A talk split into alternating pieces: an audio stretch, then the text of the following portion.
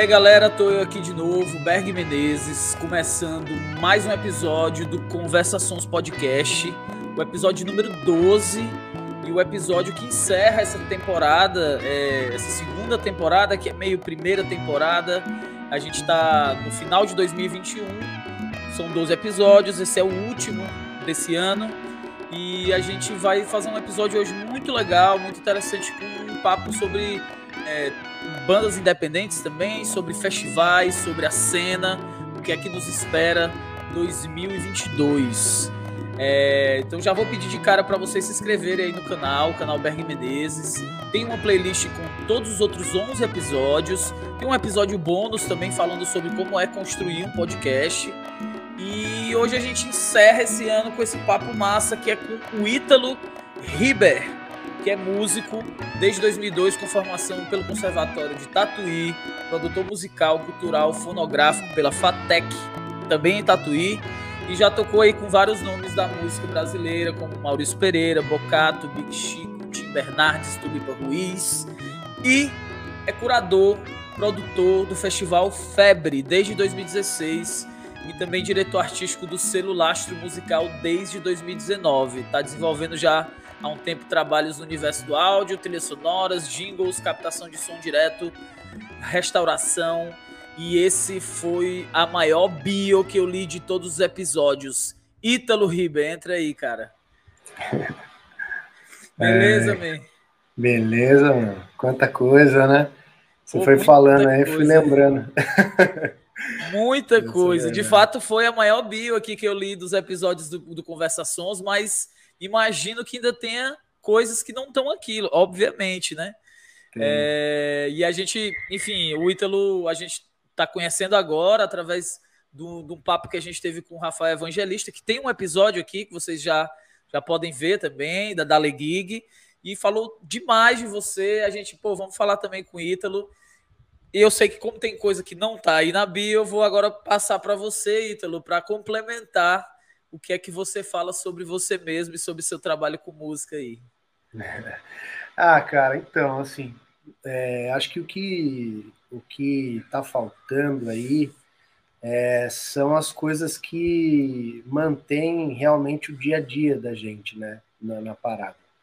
Então, todas as produções, toda a galera que eu que eu trabalho junto, assim, diariamente, né, compondo, gravando, é, as bandas todas que eu toquei a vida inteira, aí tem alguns, né, nomes maiores, assim, mas tem muito mais gente, né? Então, toquei muito, viajei muito, tive experiências dentro e fora do Brasil também. Já trabalhei em navio também como músico. Pode é, crer, trabalho... navio, velho?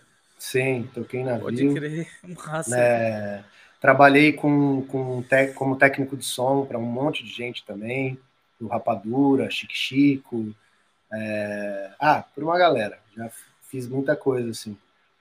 Não, aqui, então com é certeza, isso, tipo... aqui com certeza foi a versão resumida, porque eu vi aqui o site também e eu sei que é. tem muito mais coisa. Que a gente fez uma versão compacta assim e tal. Mas Sim. eu sempre mas... fui curioso, cara. Sempre fui afim, assim. É um universo que me interessa demais.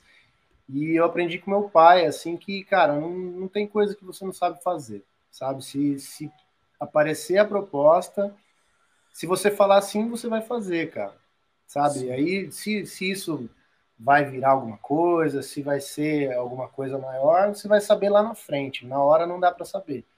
Então, eu sempre topei, sempre gostei, sempre achei que era o, o mais correto a se fazer, né? Você fazer o, o máximo que você pode sempre, assim porque é o que a gente tem para fazer, né, cara?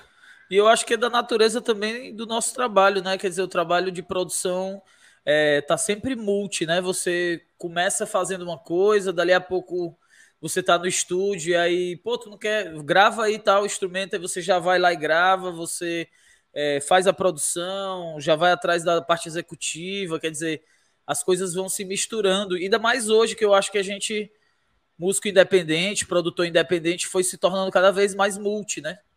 Sim, sim. É, foi se tornando cada vez mais importante saber um pouco de, de cada coisa da cadeia, né, que, que compõe. E uma das coisas mais importantes foi eu realmente perceber que a gente estando aqui no interior, né? Eu sou de Sorocaba, interior de São Paulo. É, a gente tem dificuldades, né? De realizar as coisas, de, de conseguir é, crescer nesse universo, né? Cultural e tal. Sempre tem aquela coisa de ah, vai ser músico é músico de barzinho, né? Não é um músico que que pode desenvolver uma carreira, gravar um disco e, e, circular com esse disco, independente se você vai estar no Faustão, ou, ou seja lá onde for, ou num barzinho pequeno em alguma outra cidade, é, você está tendo a possibilidade de produzir. E a gente sentiu que essa questão, a gente, eu falo eu e as pessoas que estavam comigo construindo coisas, né, criando coisas na cidade, a gente percebeu que a gente não tinha essa cadeia fechada, né? E, e aí é isso que meio que induz também você a, meu, eu vou resolver isso aí, sabe? Puta, não tem gente para fazer, eu vou lá e faço. Aí, é, agora, nesse momento, eu tô com o selo, né, com lastro musical, então, com o selo, eu já consigo delegar um pouco, é, reconhecer algumas, algumas coisas em algumas pessoas e falar, ó, faz essa parte executiva, faz essa parte artística, faz essa parte tal. E aí você vai meio que criando essa cadeia, fortalecendo essa cadeia para as coisas fluírem mais, acontecerem mais. Aqui é um lugar muito prolífico, assim, rola muita coisa legal, muita banda de tudo quanto é gênero possível. É, mas é, o difícil é escoar mesmo, né? Então, por isso veio o festival e veio o selo também agora nessa fase mais atual minha. E as produções, né? Estou construindo um estúdio agora também. E aí faço as produções e a gente tem uma equipe para trabalhar essa, esses lançamentos. É, eu tava, eu troquei uma ideia um tempo atrás com pessoas de vários lugares, tanto do Brasil quanto de fora, sobre essa coisa do artista independente, da produção independente. E, e, e, cheguei à conclusão, cara, que a relação é muito parecida, sabe? Uhum. É, claro que você tá num local numa cena onde as coisas acontecem um pouco mais, vai facilitar em algum nível e tal, mas meio que é, é sempre aquele lance, né? Você carrega nas costas, você vai deixando a coisa um pouco mais sistematizada. Hoje no meu trabalho artístico também tem uma galera, uma galera junto comigo, né? Na banda, assim, que, que vai dando uma força, vai dando. trabalhando junto algumas questões de produção e tal. Mas é sempre meio do it yourself, assim, total, né? Então, é, acho que. Antigamente eu acho que eu me queixava muito, porra, seria legal se né, tivesse um cara que faz isso para mim e tal, não sei o quê. Mas com o tempo eu fui vendo que, na verdade, não que não seja legal, mas que muito eu aprendi por não ter um pouco dessa estrutura, sabe? Por uhum. poder evoluir enquanto produtor também e tá, também dar uma força para a galera que está chegando e tal. E claro, você vai organizando melhor as suas coisas, né? É... E aí, cara, assim, é, é... eu sei que essas coisas todas se interligam e eu vou tentar é, é, entender melhor essas interligações, mas eu, eu queria começar falando aí da cena que você falou em Sorocaba. É, como é que funciona nesse contexto o febre aí? É, por que, que eu pergunto isso? Porque eu sei e imagino que Sorocaba tenham outras cenas que não são as cenas onde talvez você atue mais fortemente. Deve ter uma cena de sertanejo, deve ter uma cena como aqui em Fortaleza tem uma cena de forró e tal. E como é que surgiu o festival nesse contexto? É, é, tinha assim um enfoque específico para um determinado tipo de, de sonoridade, de perfil de público? Como é que surgiu esse contexto, sabendo que existe um outro mercado de música acontecendo em paralelo que tem outra característica bem diferente do que eu imagino que seja o Febre, entendeu? Uhum. É, cara, aqui é isso, tem diversidade, bastante diversidade mesmo, de gênero musical e tal. É, o Febre ele surge para é, apoiar principalmente artistas independentes é, que não estejam nessas linhas mais mainstream, né? Então é, a gente buscava o novo mesmo, o diferente, o é, novo e novo que eu digo não é assim novo de ah está inventando a roda, é novo de novo mesmo, acabou de começar, então a gente dá espaço para artista novo. Esse eu acho que é um diferencial do Febre. Artista novo, novo mesmo, que está nas primeiras apresentações e tal. É uma, da, uma das coisas interessantes que o Febre faz, não um diferencial, não é o único festival, mas é esse um dos nossos diferenciais. É, e essa foi até uma discussão que rolou no primeiro Febre, a gente tinha uma fala, teve uma fala do Marcelo Yuca, é, e na, na, no, na, na, conversa, um rapaz que trabalha com sertanejo, ele, ele quis dizer assim que, pô, mas eu, eu trabalho com sertanejo, é, mas eu tô começando também, eu preciso de espaço também e tal. Mas ele meio que não entendeu que de repente não era aquele espaço que ele precisava e tal, porque realmente aqui é muito forte o sertanejo, né? Então é uma linha mais mainstream. É Ele teria parada. outros espaços que não febre para poder aparecer, digamos assim. Exato, e espaços que de repente os artistas que a gente estava priorizando não teriam no, no rolê dele também. Sim. Né? Então sim. É, é, é, também um pouco da galera começar a entender assim quais são os, os, os lugares certos, como que você realmente se vende, para onde você vai, para quem você vai oferecer o que você faz, né? E o Febre ele tem muito essa a, o, o, grande a, a, a, força motriz assim maior, a coisa que mais movimenta o Febre é a conferência, né? Que são as falas, Sim. são os workshops, as oficinas, mini curso é, e algumas ações que a gente faz, que é essa de abrir espaço para artistas novíssimos, assim, que não tem material nenhum, nunca se apresentaram, então estão ali com um espaço massa, já com uma, uma estrutura legal para se apresentar. Eu vi aqui no site as formativas, né? Essa última edição agora de novembro teve formativas muito relacionadas também à, à questão da tecnologia, né? E o mundo da música, quer dizer, algoritmos, é, a tecnologia dentro dos processos criativos, arte digital. É, eu, eu, eu, na verdade, fico me perguntando, nesse contexto da, da curadoria e nesse enfoque das formativas, como é que vocês fizeram esse processo assim? Tipo, de fato, eu vou abrir para um artista que. um novíssimo artista realmente que está chegando, que vai fazer seu primeiro show tal.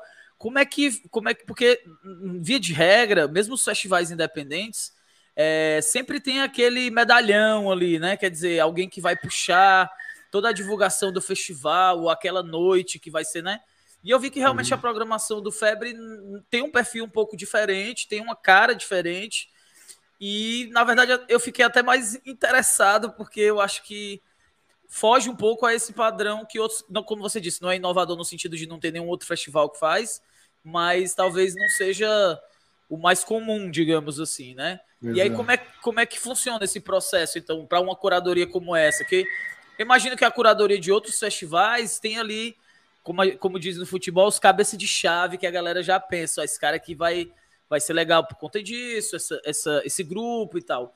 E eu acho Sim. que no Febre tem um, uma característica um pouco diferente. Como é que funcionou esse processo?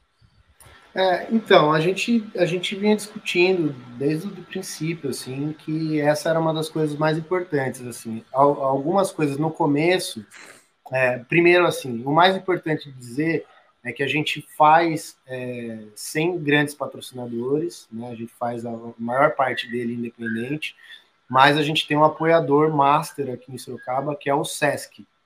Então, o SESC possibilita demais a gente é, fazer um, de, desenho de festival é, diferenciado, mais aberto, mais abrangente, é, né, uma curadoria um pouco mais, mais aberta mesmo. Então, isso é, já é um diferencial, que a gente trabalha com o SESC e foi o SESC que apoiou a gente em todas as edições até hoje. É, e eles apoiam a principalmente a parte da conferência. Então, toda a parte das formativas acontece dentro do SESC. Agora, nessas duas últimas edições que foram online, a gente fez a transmissão tanto pelo canal do FEB quanto do SESC. Né? E aí a parte dos shows a gente assume mais. Né? A gente tem essa questão, óbvio, tem que ter de ter alguém, algum cabeça de chave mesmo, alguém que vai puxar né, a, a fila ali. Mas geralmente são artistas que também não, às vezes não estão no hype, a gente meio que não se preocupa tanto com isso. É, o, a maior preocupação sempre foi estética, sempre foi é, de apresentar alguma coisa para os artistas locais da região é, que possa despertar alguma coisa interessante nessa galera. Então a gente não fica pensando em trazer mais do mesmo, mais do que já está rolando. Né? Ah, tem tal artista que está bombando na cidade, então vamos trazer ele. A gente não pensa dessa maneira. É, então, nesse sentido, fica fácil de você pensar, cara, vou trazer o que realmente chama atenção, que é bom, que é interessante. E aí a gente já trouxe, assim, meu, é, Vermes do Limbo, tocou junto com a Sara Não Tem Nome, que era é, só guitarra e voz, é, junto com um quarteto de jazz, sabe? Todos tocando no mesmo palco e foi, assim, maravilhoso, todo mundo amou as bandas, todo mundo agradeceu de estar ali. Uma diversidade então, é uma... realmente de gêneros também, pra caramba. É, né? exatamente. E já colocamos música de câmara dentro de balada, é, sabe, tocando no meio da pista, assim, a galera em volta. Sim. E, e aí é muito louco, tanto para o público quanto quanto para os músicos, né, que estão tocando nessa situação completamente diferente, assim. É... Então é isso, cara. A gente trouxe, sei lá, Dente de Sabre, que era interessante. É, Tigre Dente de Sabre, né? Que é uma banda de Bragança, que é um duo muito, muito legal, assim, que eles fazem música eletrônica mais orgânica, tocando. E aí a gente pensa nisso, pô, as pessoas têm que ver e, e se interessar e lembrar que, cara, eu vi isso no Febre, sabe? É, é diferente de um festival de arena que que as pessoas vão lá para ficar bebendo e, e, se encontrando e curtindo, né? É, é, é, mais a gente pensa um pouco menos no entretenimento e um pouco mais na formação mesmo, né? De cultura sim, e tal. Sim. Inclusive por conta dessas formativas, né? Então é. tem uma cara um pouco de, de feira também, né? De, de, de encontro de artistas, né? Ou seja, muita, imagino que muitos artistas da região vão também para participar do Febre, tanto das formativas quanto assistir os shows, não necessariamente estando na programação como uma apresentação, né? É. E, e, você falou aí do Sesc, cara, engraçado, porque eu tenho essa impressão aqui em Fortaleza também, sabe? Que o Sesc é um dos grandes apoiadores que a gente ainda tem, assim, em muitos níveis, sabe? É, eu, pelo menos, me apresentei em algumas vezes aqui no Sesc Fortaleza, no Sesc do interior do estado, e eu percebo que ainda, ainda é o que dá o suporte para muitos eventos e muitas, muitas circulações em, em todo o país, pelo jeito, né?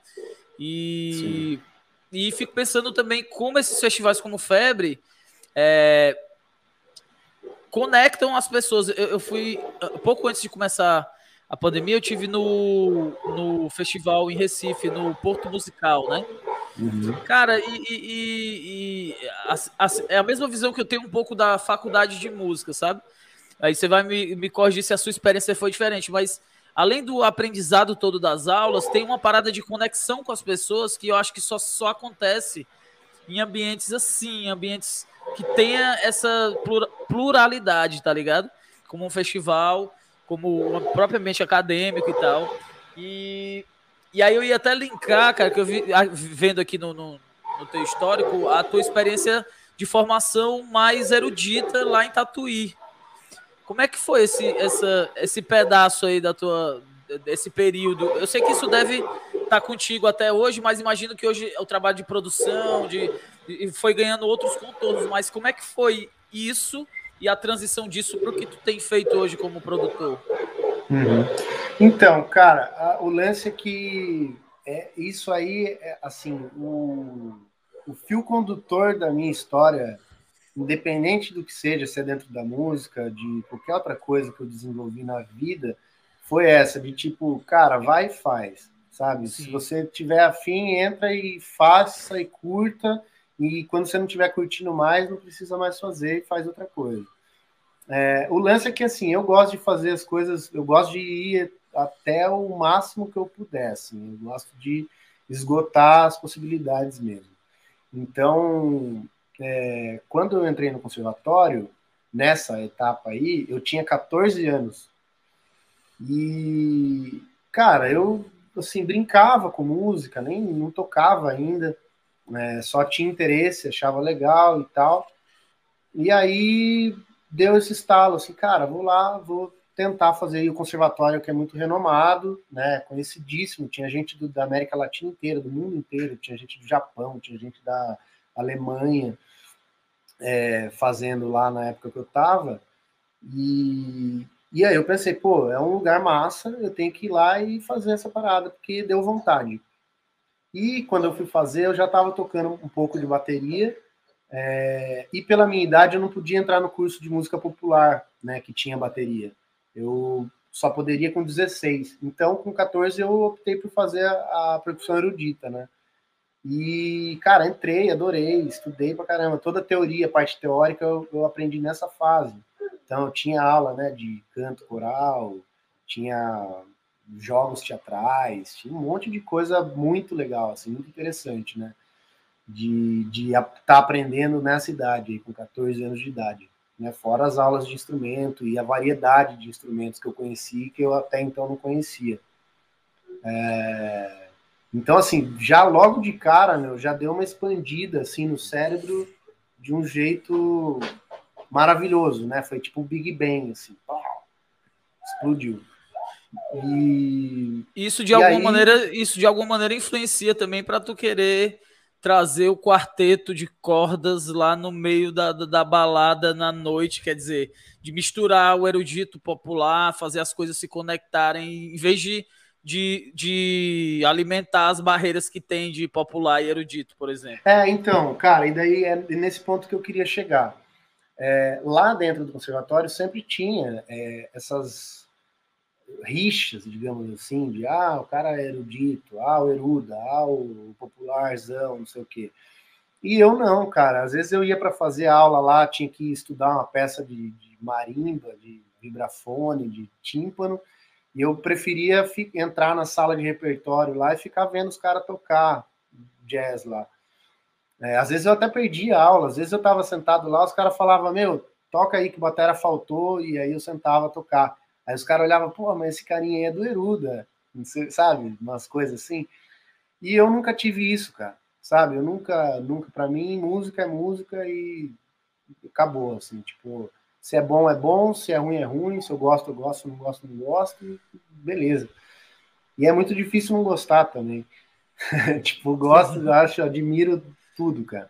Então é muito fácil para mim olhar para uma curadoria e tal. Lógico, tem que ter um desenho, tem que ter uma ideia, tem que ter uma proposta.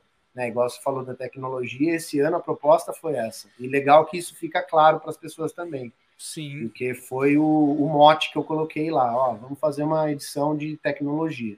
Inclusive o site ficou bem bacana, viu, cara? O site ficou mega interativo, quer dizer, você vai deslizando e, e os artistas vão aparecendo para você, as coisas vão surgindo. Achei muito, muito bacana. É, isso aí foi um trabalho genial do Peu, cara. O Peu Ribeiro foi o fundador do, do Febre, né? Foi o idealizador e fundador. E aí eu já estava com ele na primeira edição, mais orientando, ajudando, dando um suporte. Aí na segunda edição eu entrei para valer, 2016. Aí eu já entrei fazendo a curadoria com ele, com o Daniel. E aí a equipe foi aumentando aí agora diminuiu um pouco de novo, mas a gente está sempre, eu e o, e o Peu estamos desde o começo. E o Peu é, fez o site, o Peu merece demais porque ficou maravilhoso, né? Ficou muito massa, muito massa. E querendo ou não, é, aí a gente vai linkar agora com o que a gente vive nesses últimos dois anos aí, né?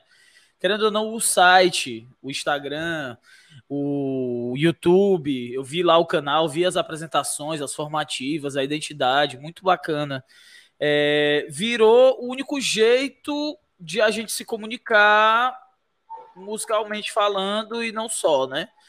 É, então, como é que foi essa essa essa quebrada aí para vocês assim? Eu, eu acho que para todo mundo de festivais, imagino, né? Porque eu falo para um colega outro dia que o meu trabalho como artista é aglomerar a minha função é aglomerar pessoas. Então é, é, é, é, o que a gente fica esperando sempre, né? Que vai é, trabalhar, é, a é, gente espera a aglomeração.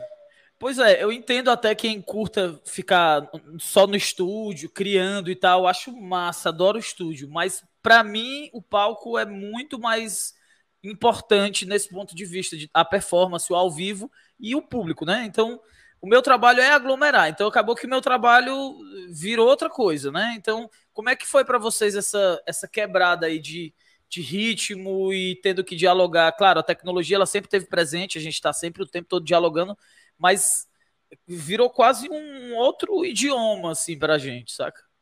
Sim, sim. Não, para a gente foi um baque total, assim. É, a gente vinha crescendo, na verdade, né? O, o evento a gente ainda estava encontrando um caminho, tentando formatar. Óbvio, a gente já a natureza nossa já é um pouco diferente mesmo, a gente não, não segue tanto padrão, né, nessa, nessa questão da curadoria e tudo mais. E é, todas as edições foram diferentes, uma da outra, nunca teve uma edição repetida, assim. E nas últimas edições antes da pandemia, logo antes da pandemia, a gente estava meio que acertando a mão, assim, estava começando a ir para um caminho que, que era realmente interessante para a gente, não era tão desgastante, é, e ainda assim a gente conseguia fazer uma, uma parada legal. Mas aí veio a pandemia e realmente quebrou as pernas, cara. A gente não, não conseguiu fugir dessa, dessa rasteira aí. Né? Foi uma rasteirona. E aí, puta, juntou com o governo, juntou com, com tudo. Então, a gente diminuiu drasticamente. A gente fez as, as duas últimas edições, principalmente para não parar, para não acabar, para não esfriar total, né? É mas eu acho que antes ferido do que morto, né? Tipo, estamos aí, estamos em atividade, né? Então, a gente fez como deu. É, a gente teve que, para ter uma ideia da redução, a gente tinha 20 e tantos shows e a gente teve três shows, e shows locais, né? A maioria de shows só de bandas iniciantes e tal porque essa questão também é complicada. Você está é, tá fazendo online, só que demanda uma estrutura também para você produzir um show online, né? Sim, não é, sim, não claro. dá para ser qualquer coisa. Então acaba às vezes ficando até mais caro do que era fazer presencial e trazer a galera para a cidade. E aí inviabiliza demais, assim, a gente é, ficou bem, bem abalado com isso, mas é isso. Tipo, a gente fez mesmo assim e foi bem legal. As duas últimas edições foram muito legais. Vocês fizeram 2020 e 2021, as duas edições, né? É. E, cara, assim, é... off-topic, assim, mas tem tudo a ver. Na hora do marketing da, desses, desses eventos, rolou alguma preocupação com a palavra do festival febre? Pelo contexto? Eu fiquei, Não. na hora que eu vi, o cara, será que. Que eu fiquei pensando é, depois, é, como é que o marketing da Corona, a cerveja, vai fazer, né? Na pandemia. Sim. E aí depois eu fiquei pensando, será que o febre rolou um momento, gente? Será que a gente faz mesmo? Será que vai pegar? Rolou. Quer dizer, rolou essa vibe? rolou essa vibe. Ah, mas a gente falou, meu, não, nada a ver. Nada a ver, né? Absolutamente claro. nada a ver. Mas claro. a, gente, a gente pensou assim, a gente sempre tem essas preocupações todas, né? claro. né? Todas as questões atuais, assim, que estão pegando, a gente tem essa preocupação sempre. Cara, mas não tem que fazer. É, mas, mas claro, é, o nome é esse, a identidade é essa, não tinha porque fugir, não tem nenhuma conexão. Só a minha é. mente doentia mesmo que viu essas coisas. Mas, bom, é, é, assim, cara, até como banda, né, como artista, é, eu me pego sempre muito pensativo sobre como a gente aborda os contratantes, né, os produtores, como é que uma banda independente se apresenta, né? Eu acho que eu já fiz todos os métodos possíveis, tipo o método kamikaze, que você vai lá e, e manda uma mensagem aleatória, o método mega organizadinho com release mega completo, com links e tal, não sei o quê. E eu imagino que a galera das bandas independentes que tá, enfim, acompanhando o papo, que tá mandando aí as, as perguntas, sei lá, é, talvez se pergunte algo semelhante. E aí eu, eu, sempre que eu tenho a oportunidade, que eu converso com alguém que trabalha nesse contexto de, de festivais e tudo, eu fico, pô, eu, eu preciso saber um pouco disso, né? Como é que como é que é para você que está do outro lado? É, o, como, é que, como é que surgem esses artistas? Porque imagino que aí em Sorocaba tenham muito mais do que três artistas para fazer show, deve ter 300, né? É. Então você, putz, não, fulano de tal, beleza, tal, o cara ali é do sertanejo, ele tem outro corre lá e tal, só que mas ainda sobram 50 a 100 para escolher, tranquilamente. Então tem uma hora que você, putz, e agora, né? E aí tem contexto, tem, como você falou, trabalhar com artistas muito novos, talvez a galera não tenha ainda conseguido fazer uma mega produção no estúdio, produzir um trampo como gostaria. O, o, o que é que tem pegado mais? Aí eu tô falando além do contexto da pandemia mesmo, eu tô falando dos últimos anos, ou desde que o Febre surgiu, como tem sido essa recepção do, do, do, do, conteúdo dos artistas, vocês que buscam, a galera que manda, o que é que chama atenção, o que é que atrapalha, sei lá. Tá. Ah, duas coisas então. Né? Uma pergunta sua foi em relação à abordagem, né? Isso. É, e outra pergunta em relação a como a gente está recebendo os conteúdos e, e, tudo mais, né? Como está sendo essa recepção. É, a gente faz inscrição to, todos os anos é, acho que é, não lembro se na primeira teve, mas os anos seguintes todos eu tenho certeza que a gente fez inscrição, que a gente tem uma ação dentro do festival que chama Caixinha de Música.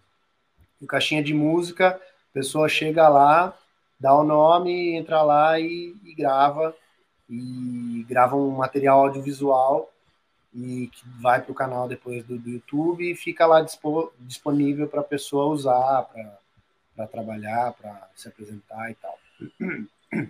Esse é o caixinho de música. Aí a gente tinha inscrição para as apresentações também, que era algumas vagas que a gente, a gente deixava uma porcentagem de, de artistas é, locais, regionais, para a gente preencher a, a curadoria do festival com esses artistas. Então a gente recebia essa lista também.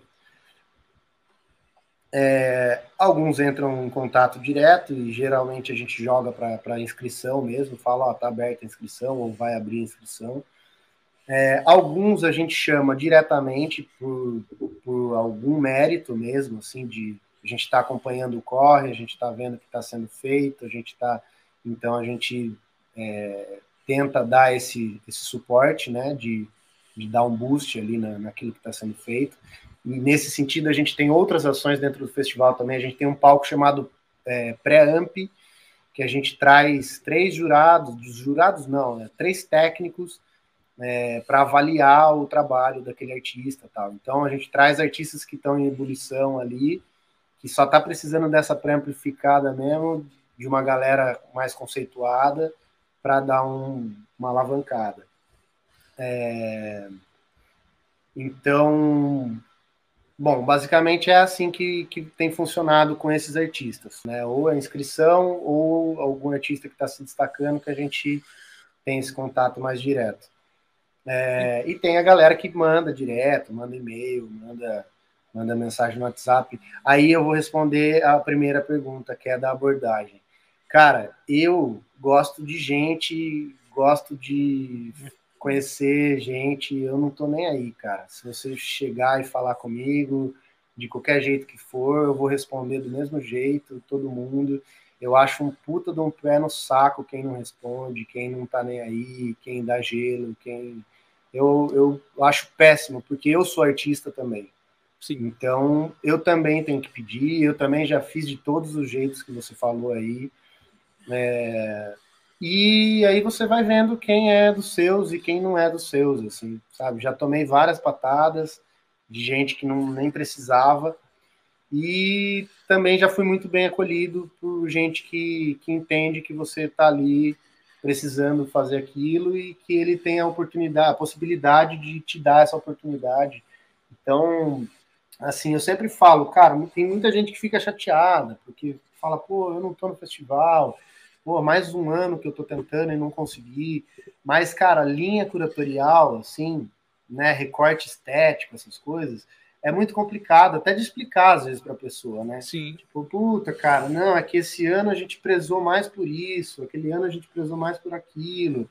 É, sempre tem uma, uma linha curatorial mesmo, que às vezes você não se encaixou naquela, e era uma demanda um pouco mais, mais latente ali, né, de acontecer do que a sua, mas quando chegar a sua vez, vai chegar a sua vez. Ou se não chegar também, mano, vem aí, vamos tentar tá, fazer. Se não chegar, você tá fazendo o que você curte, né? Como a gente tava, como você tava é. falando no começo, né? É, exatamente. É... Não, e aí eu, eu, entendo, eu acho que é uma desgrilada, muito. né? Acho que é quando você desgrila disso é que você consegue dar uma entender que na verdade vai ter quem se identifica, quem não se identifica, onde você casa, onde você não casa. E tem festival que é para você ir para assistir, não para tocar. É. Tem festival que é legal você participar de uma mesa redonda e talvez não fazer o show, quer dizer, é meio isso também, né? Sim, é, então, é, e daí é por isso que eu falo, cara, eu gosto de viver pessoas, lugares, situações, para mim é o que mais vale, assim, porque é a única coisa que a gente vai levar de fato para a vida. O resto, cara. E tocar, beleza, é legal você tocar no festivalzão, é legal você estar tá no palco principal, é legal você. Todas essas coisas. Eu morro de vontade de tocar num mega festival, tocar para uma multidão, não sei o quê. Mas, mano, se for para tocar, eu vou, se não for, não vou. E tá tudo bem também. Pode é, crer. O importante é, é fazer é, as coisas. É mesmo isso, cara. É, eu tava olhando aqui, cara, tem muita, tem muito. Vocês criaram realmente no, no canal do YouTube muitos, uma variação muito legal de, de perfis de conteúdo, né? Que é justamente uhum. os shows, o caixinha de música, o pré-amp, que eu tô, tava sacando aqui também. Quer dizer, é, fica também a dica aí pra galera que tá assistindo, dá uma sacada no canal do Febre para entender até como é que você pode dar uma dinamizada no seu próprio conteúdo também enquanto artista, né? Porque, uhum. é claro, aqui são artistas diferentes e tal, mas é, essa criação aqui da gente, do Conversa Sons, foi um pouco isso também. A gente, pô, o que é que eu posso agregar no conteúdo que eu produzo aqui no, no meu canal e que eu gosto de fazer? Então, eu gosto de bater papo, sempre gostei de bater papo. Então, eu, pô, vou começar a bater papo com pessoas que eu conheço, que eu não conheço, que eu admiro, que eu vou passar a admirar, que eu vou saber qual é o trabalho e tal. E eu acho que ficou uma dica aí também pra galera. Eu achei bem legal o caixinha de música, ó. Ítalo, bem legal mesmo. Eu tô vendo aqui da galera, Sim. a estrutura e tal. Mas o caixinha de música é feito com a galera em Sorocaba, gravando num local específico. E aí isso fica disponível depois no canal, né? Exato. É. A gente geralmente a gente fazia dentro do Sesc, pegava uma sala lá que tivesse livre e a galera entrava, ou então a gente preparava um cantinho, tal, bem bonitinho lá, chama uma equipe de som e, e vídeo, a pessoa chega lá, toca duas, três musiquinhas e beleza, daí a gente edita, trata, deixa bonitinho e lança para a pessoa usar esse conteúdo do jeito que ela quiser depois. Um pocket, né? Na verdade é isso, ah. um, um, pocket show acústico, uma parada assim, né? Exato. Legal, cara, legal. É...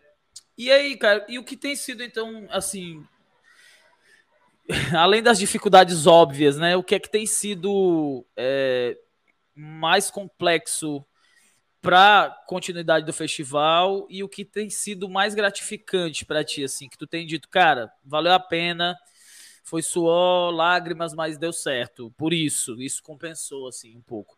Porque uhum. eu imagino que, até mesmo no contexto de online, a gente está num momento agora que eu acho que é até mais ingrato do que foi um pouco antes. Que é a gente não consegue fazer ainda shows é, de festivais independentes para ter um público legal, agregar as pessoas, nem tampouco o, a parte online de lives consegue ter o público como teve em algum momento um pouco mais para trás na pandemia. Então, é, como é que tá? Como é que, como é que vocês avaliaram assim esse processo, principalmente agora dessa última edição? Ah, cara, então, é o que eu falei, foi um baque grande, assim, porque realmente a gente a gente estava conseguindo dar um gás no formato físico, né? Conseguindo acertar valor de ingresso, formas de acesso ao festival, é, que a gente mudava, a gente mudou todos os anos, né? É, a gente começou a ter na última edição, antes da, da pandemia, é, a gente teve daí um, um, apoio de uma marca maior de bebida. É, então estava começando a engrenar, estava assim, começando a galera a entender o festival entender o formato, entender o que era a conferência e participar de fato da conferência. A conferência começou a lotar nesse, em 2019, tipo, ficava a gente para fora. A gente conseguia já ter alguns souvenirs já para a galera levar para casa no festival, voltar para casa com a sensação de ter ido para um, um negócio é, exclusivo, diferente, legal, sabe? É, e aí a gente no, no, online não tem mais isso, né? A gente perdeu completamente esse, esse contato, esse approach assim, com, com, a, com a galera ali, que estava começando a rolar de fato. Então isso realmente foi, foi muito é, ruim, assim, pra gente. E acho que a gente só vai recuperar quando voltar físico mesmo, porque o online é uma outra construção, né? Sim. Então é como se a gente estivesse começando do zero, cara assim, para criar o público online. É, pensando desse, nessa retomada, cara, eu, tenho, eu, eu falo com a galera da minha banda sempre que desde que começou esse, esse isolamento, essa coisa toda, que eu digo, cara, a gente precisa se organizar, porque uma hora acaba. Uma hora acaba e aí as coisas começam a voltar. E de alguma maneira, se a gente estiver bem organizado, essa retomada a gente tem uma. consegue enfim, se reagrupar mais rápido, né? Uhum. Então a gente conversa muito sobre isso, a gente tem se preparado, material, gravamos coisa, quer dizer. E aí, como, como é que tu vê para o ano que vem essa, essa. Eu sei que é difícil você prever, eu não estou falando de, de, de premonição, assim, eu estou falando mais de, de, de sentimento. Beleza, vamos dizer que as coisas tendam a melhorar, a melhorar, e como é que você sente esse caminho, não só para o Febre, mas da música independente mesmo? Você acha que. A, a, tem muita gente que fala da tendência híbrida dos eventos. Eu, eu tenho. Enfim, eu, eu fico entre a cruz e a espada quanto a isso, porque eu, eu, eu sei que tem muita coisa que é legal, híbrida, mas a coisa do show, eu já. Enfim, como é que você sente isso? Como é que vocês entendem aí no contexto de vocês é, para onde as coisas estão caminhando, digamos assim? Uhum. Cara, ó, é muito louco isso, porque eu acho que essa, essa coisa do híbrido aí vai perdurar, é uma coisa que vai pegar, né? Já rolaram alguns festivais aí nesse formato, recentemente rolou o Coquetel Molotov, que foi, foi bombástico, né? Um puta festivalzão, foi forte tanto no presencial quanto no, no online. Tá começando agora é... assim também, eu acho. Começa hoje, assim. Assim né? São Paulo, sim. Assim é. São Paulo rolou ano passado só online é, e foi, foi muito interessante, né? A experiência foi interessante, eu participei. É, algumas coisas foram facilitadas pelo online. Por exemplo, eu consegui falar com algumas pessoas que possivelmente, pessoalmente, eu não conseguiria. Sim e eu tive a oportunidade de falar com mais facilidade no online. É, mas, é, cara, entra na, na, história que eu falei. Eu gosto de gente, cara. Eu gosto de contato, eu gosto de tomar um café, tomar uma breja e conversar também. Então, é, a fita é vida, assim, cara. Eu gosto de viver, né? E, e aí, para mim, o negócio presencial é insubstituível, né? E acho que para a maioria das pessoas mas tem uma parcela das pessoas que prefere, que gosta, ou de repente na necessidade a pessoa vai vai optar pelo online, né? Sei lá, a pessoa tá, sei, uma perna quebrada, não pode ir e aí prefere ficar em casa, ou, ou, prefere não, fica em casa porque precisa ficar e pode ver o negócio mesmo sem estar lá. Isso aí é interessante porque, cara, eu lembro 2011, eu tocava com Rafael Castro, que é um artista daqui de São Paulo e tal. E aí é, a gente estava fazendo turnê, cara, com ele no Sul. E eu lembro que a gente fez alguns shows transmitindo, cara, naquela época, em 2011. E foi muito massa, assim, foi muito legal, porque a galera que não pôde ir estava vendo lá pela internet, assim. E, cara, eu não consigo nem lembro como que foi, se foi pelo MSN, se foi pelo Facebook, eu não lembro Sim, qual, como que foi a transmissão. Mas rolou e, assim, foi muito interessante, né, naquela época. E só que a gente meio que não, não levou isso muito a sério. Daí, agora, o papo com os produtores hoje em dia tava rolando mais isso, de pô, às vezes a gente não pode ir para muita cidade menor, a gente vai para uma cidade maior que tem estrutura, né, para comportar o show ou para pagar a equipe, né, para trabalhar, e as cidades do entorno às vezes não podem, tem gente que não pode se deslocar e tal. E aí é muito interessante você fazer uma transmissão para essas cidades vizinhas, mas não assim só jogar na internet, fazer um negócio bem bolado, de repente até ter ingresso, ter alguma, algum conteúdo extra para quem vai vai estar tá acessando esse conteúdo, né? Sei lá, fazer alguma coisa interessante para online também, não só jogar lá na internet e, e ah, já que você não pode ver, você fica vendo virtual aí.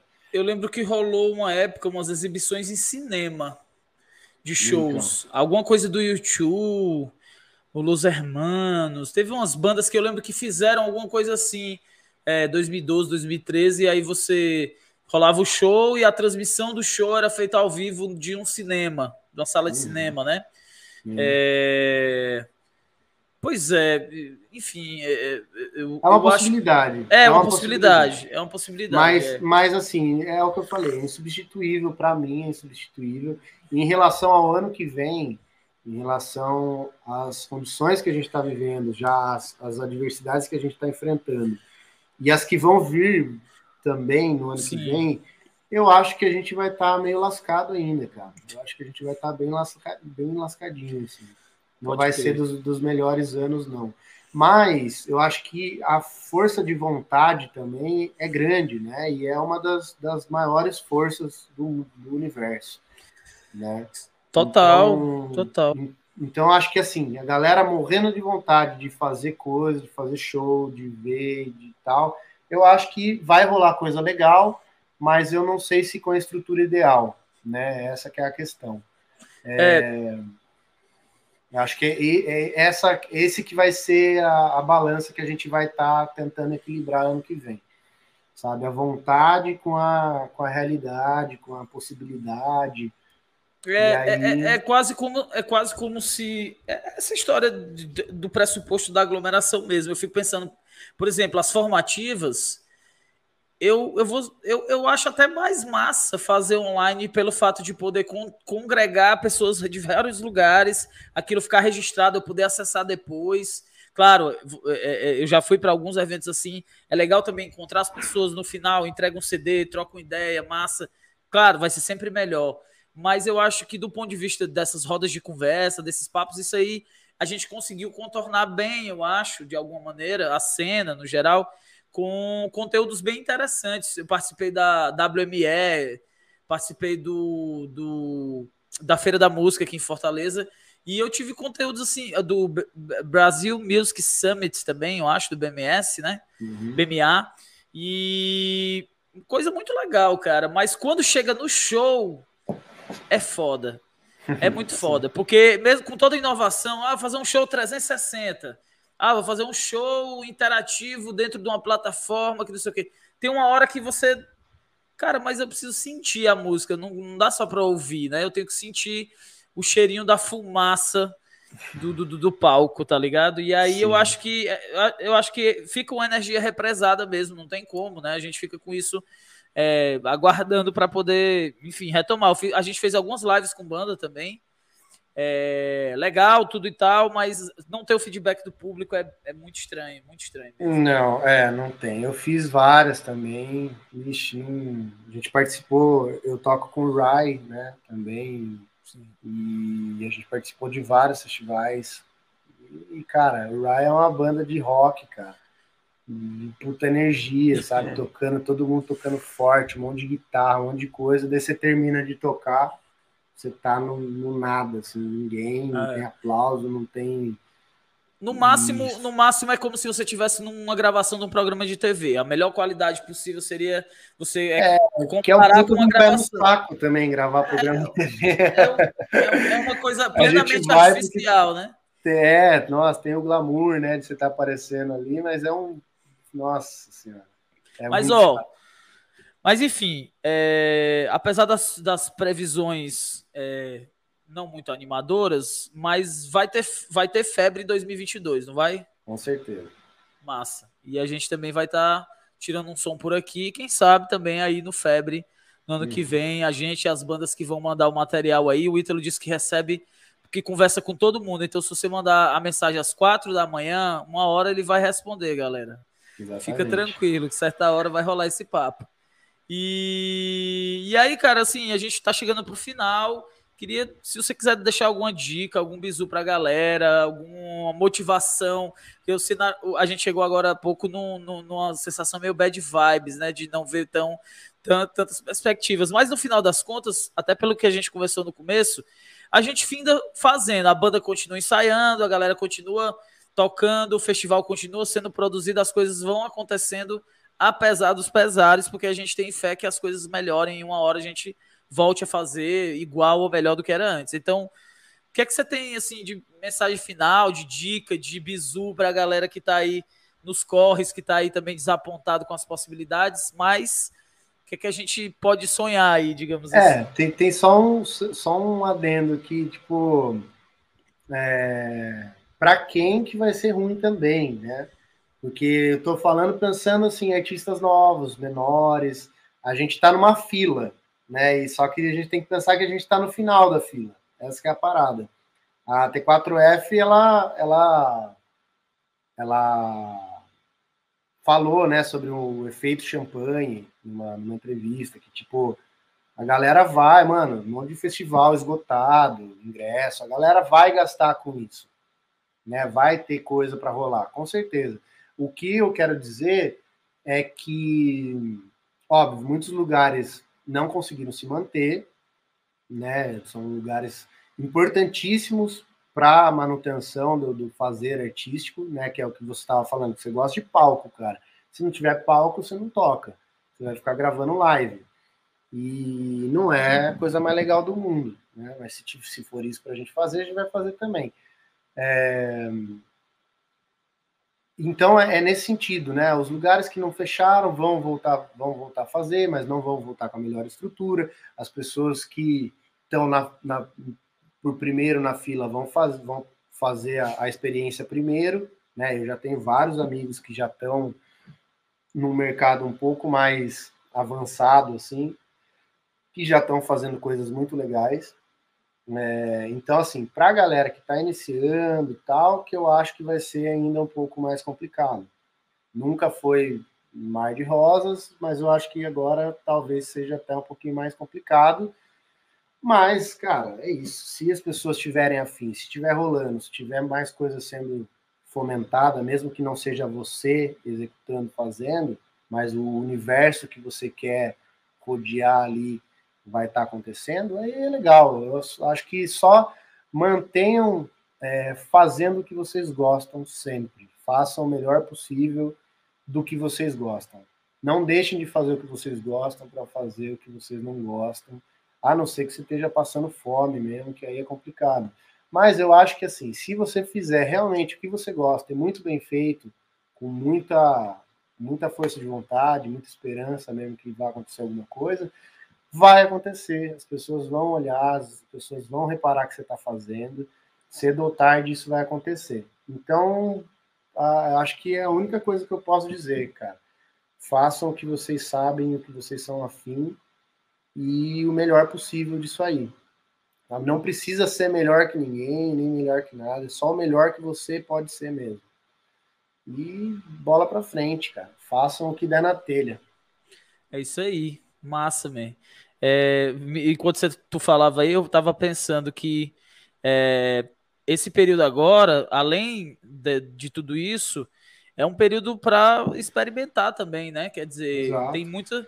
Ao mesmo tempo que tem muita coisa nebulosa, também tem possibilidades aí no meio disso. Quer dizer, pega o teu, a tua rede social, o teu canal, experimenta, faz uma, uma, coisa diferente do que tu tem feito no teu conteúdo. Hoje em dia, muita gente produz o conteúdo basicamente com celular, então usa o que tem à mão e, e, produz, porque às vezes isso também vai chamar a atenção, acho que, de produtores, contratantes, festivais. Às vezes uma boa ideia com muita vontade funciona até mais do que uma mega estrutura, né? Você uhum. mostrar legal o seu trampo com, com uma ideia massa. E eu acho que é isso, cara. Eu acho que a gente, enfim, a gente continua, né? Outro dia também eu conversava com um colega que dizia assim, pô, cara, e aí, os ensaios e as. Pô, bicho, eu vou gravar aí, vou fazer um single, vou lançar, vou fazer uma live e tal. Aí eu olhei assim para ele, mas por que a gente continua fazendo isso aqui? Ele, mas porque é o que a gente faz, tá ligado? É isso que a gente faz. É. Se eu fosse palhaço de circo, eu ia continuar sendo palhaço de circo do jeito que for possível, tá ligado? Então, é isso, o nosso trampo é esse, é, é, é fazer som, é, é, botar o som no mundo e não importa o que esteja acontecendo, chuva, sol, a gente acha uma maneira, né? A gente tinha todos os uma... argumentos, tinha todos os argumentos para não fazer. E a gente Sim. ainda assim inventa um jeito de fazer, né? É, uma das maiores características do ser humano é a adaptação, né? Você se adapta, cara. Imagina, tem gente morando no Polo Norte lá, tem gente. É. é meu, é, a gente se adapta, faz, faz o que tem para ser feito, faz o que dá para ser feito e.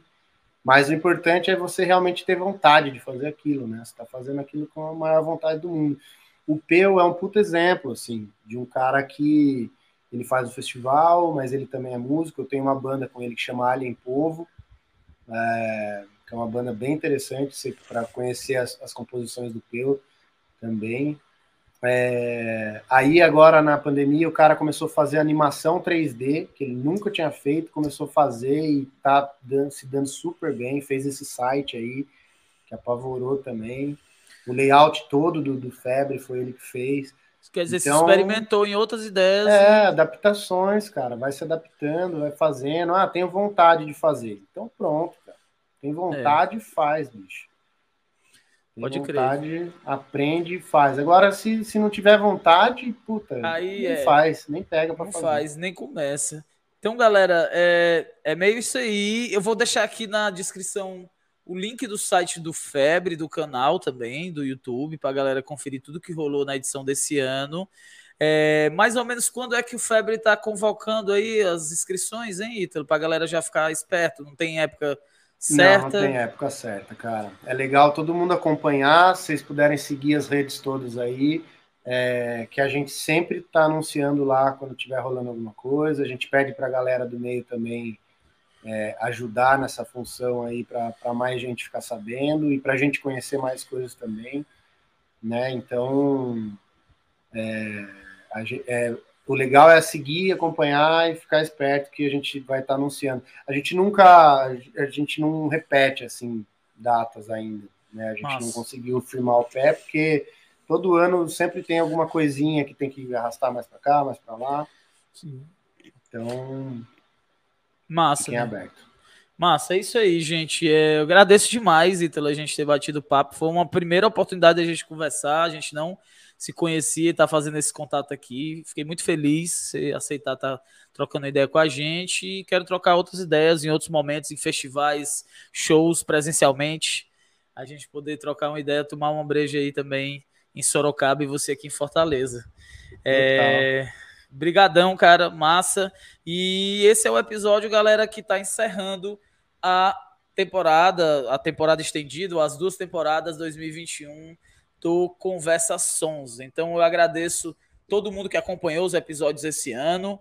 É, ficam aí os links do Febre aqui para poder vocês conferirem também é, um pouco mais sobre o festival, é, sobre o próprio Ítalo também, sobre o Peu é, redes sociais e é, espero que a gente possa se encontrar em breve para bater outros papos. É, tem muito conteúdo aqui no canal, tem playlist do podcast, tem videoclipe, tem um monte de coisa. É, sonho aí com os encontros presenciais, com os shows, com as performances ao vivo, mas com muita segurança, com certeza, e com todo mundo vacinado em muito breve. 2022, que nos aguarde que o negócio vai ser louco. Então, é isso, galera. Brigadão e até a próxima.